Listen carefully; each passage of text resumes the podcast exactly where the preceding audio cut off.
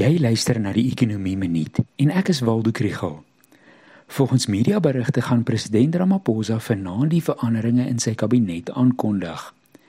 Dit gaan meer oor die bruto nasionale politiek as die bruto nasionale produk, maar ek het tog gewonder of ekonomiese teorie hom nie kan help nie.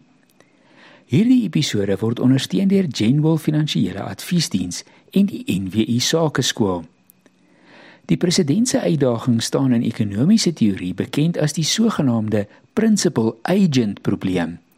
As prinsipaal wys hy agente, oftewel ministers aan wat die werk moet doen, maar die probleem is asimetriese inligting.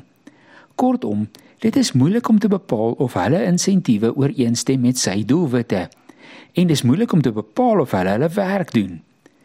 Hy is goed bewus hiervan en daarom het hy al meer aanstellings in die presidentskap gemaak waar hy hopelik meer inspraak het en kontrole kan doen.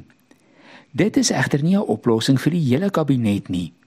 Stelsels en prosesse wat dinge meer deursigtig maak en ministers verantwoordelik hou, sal ook help.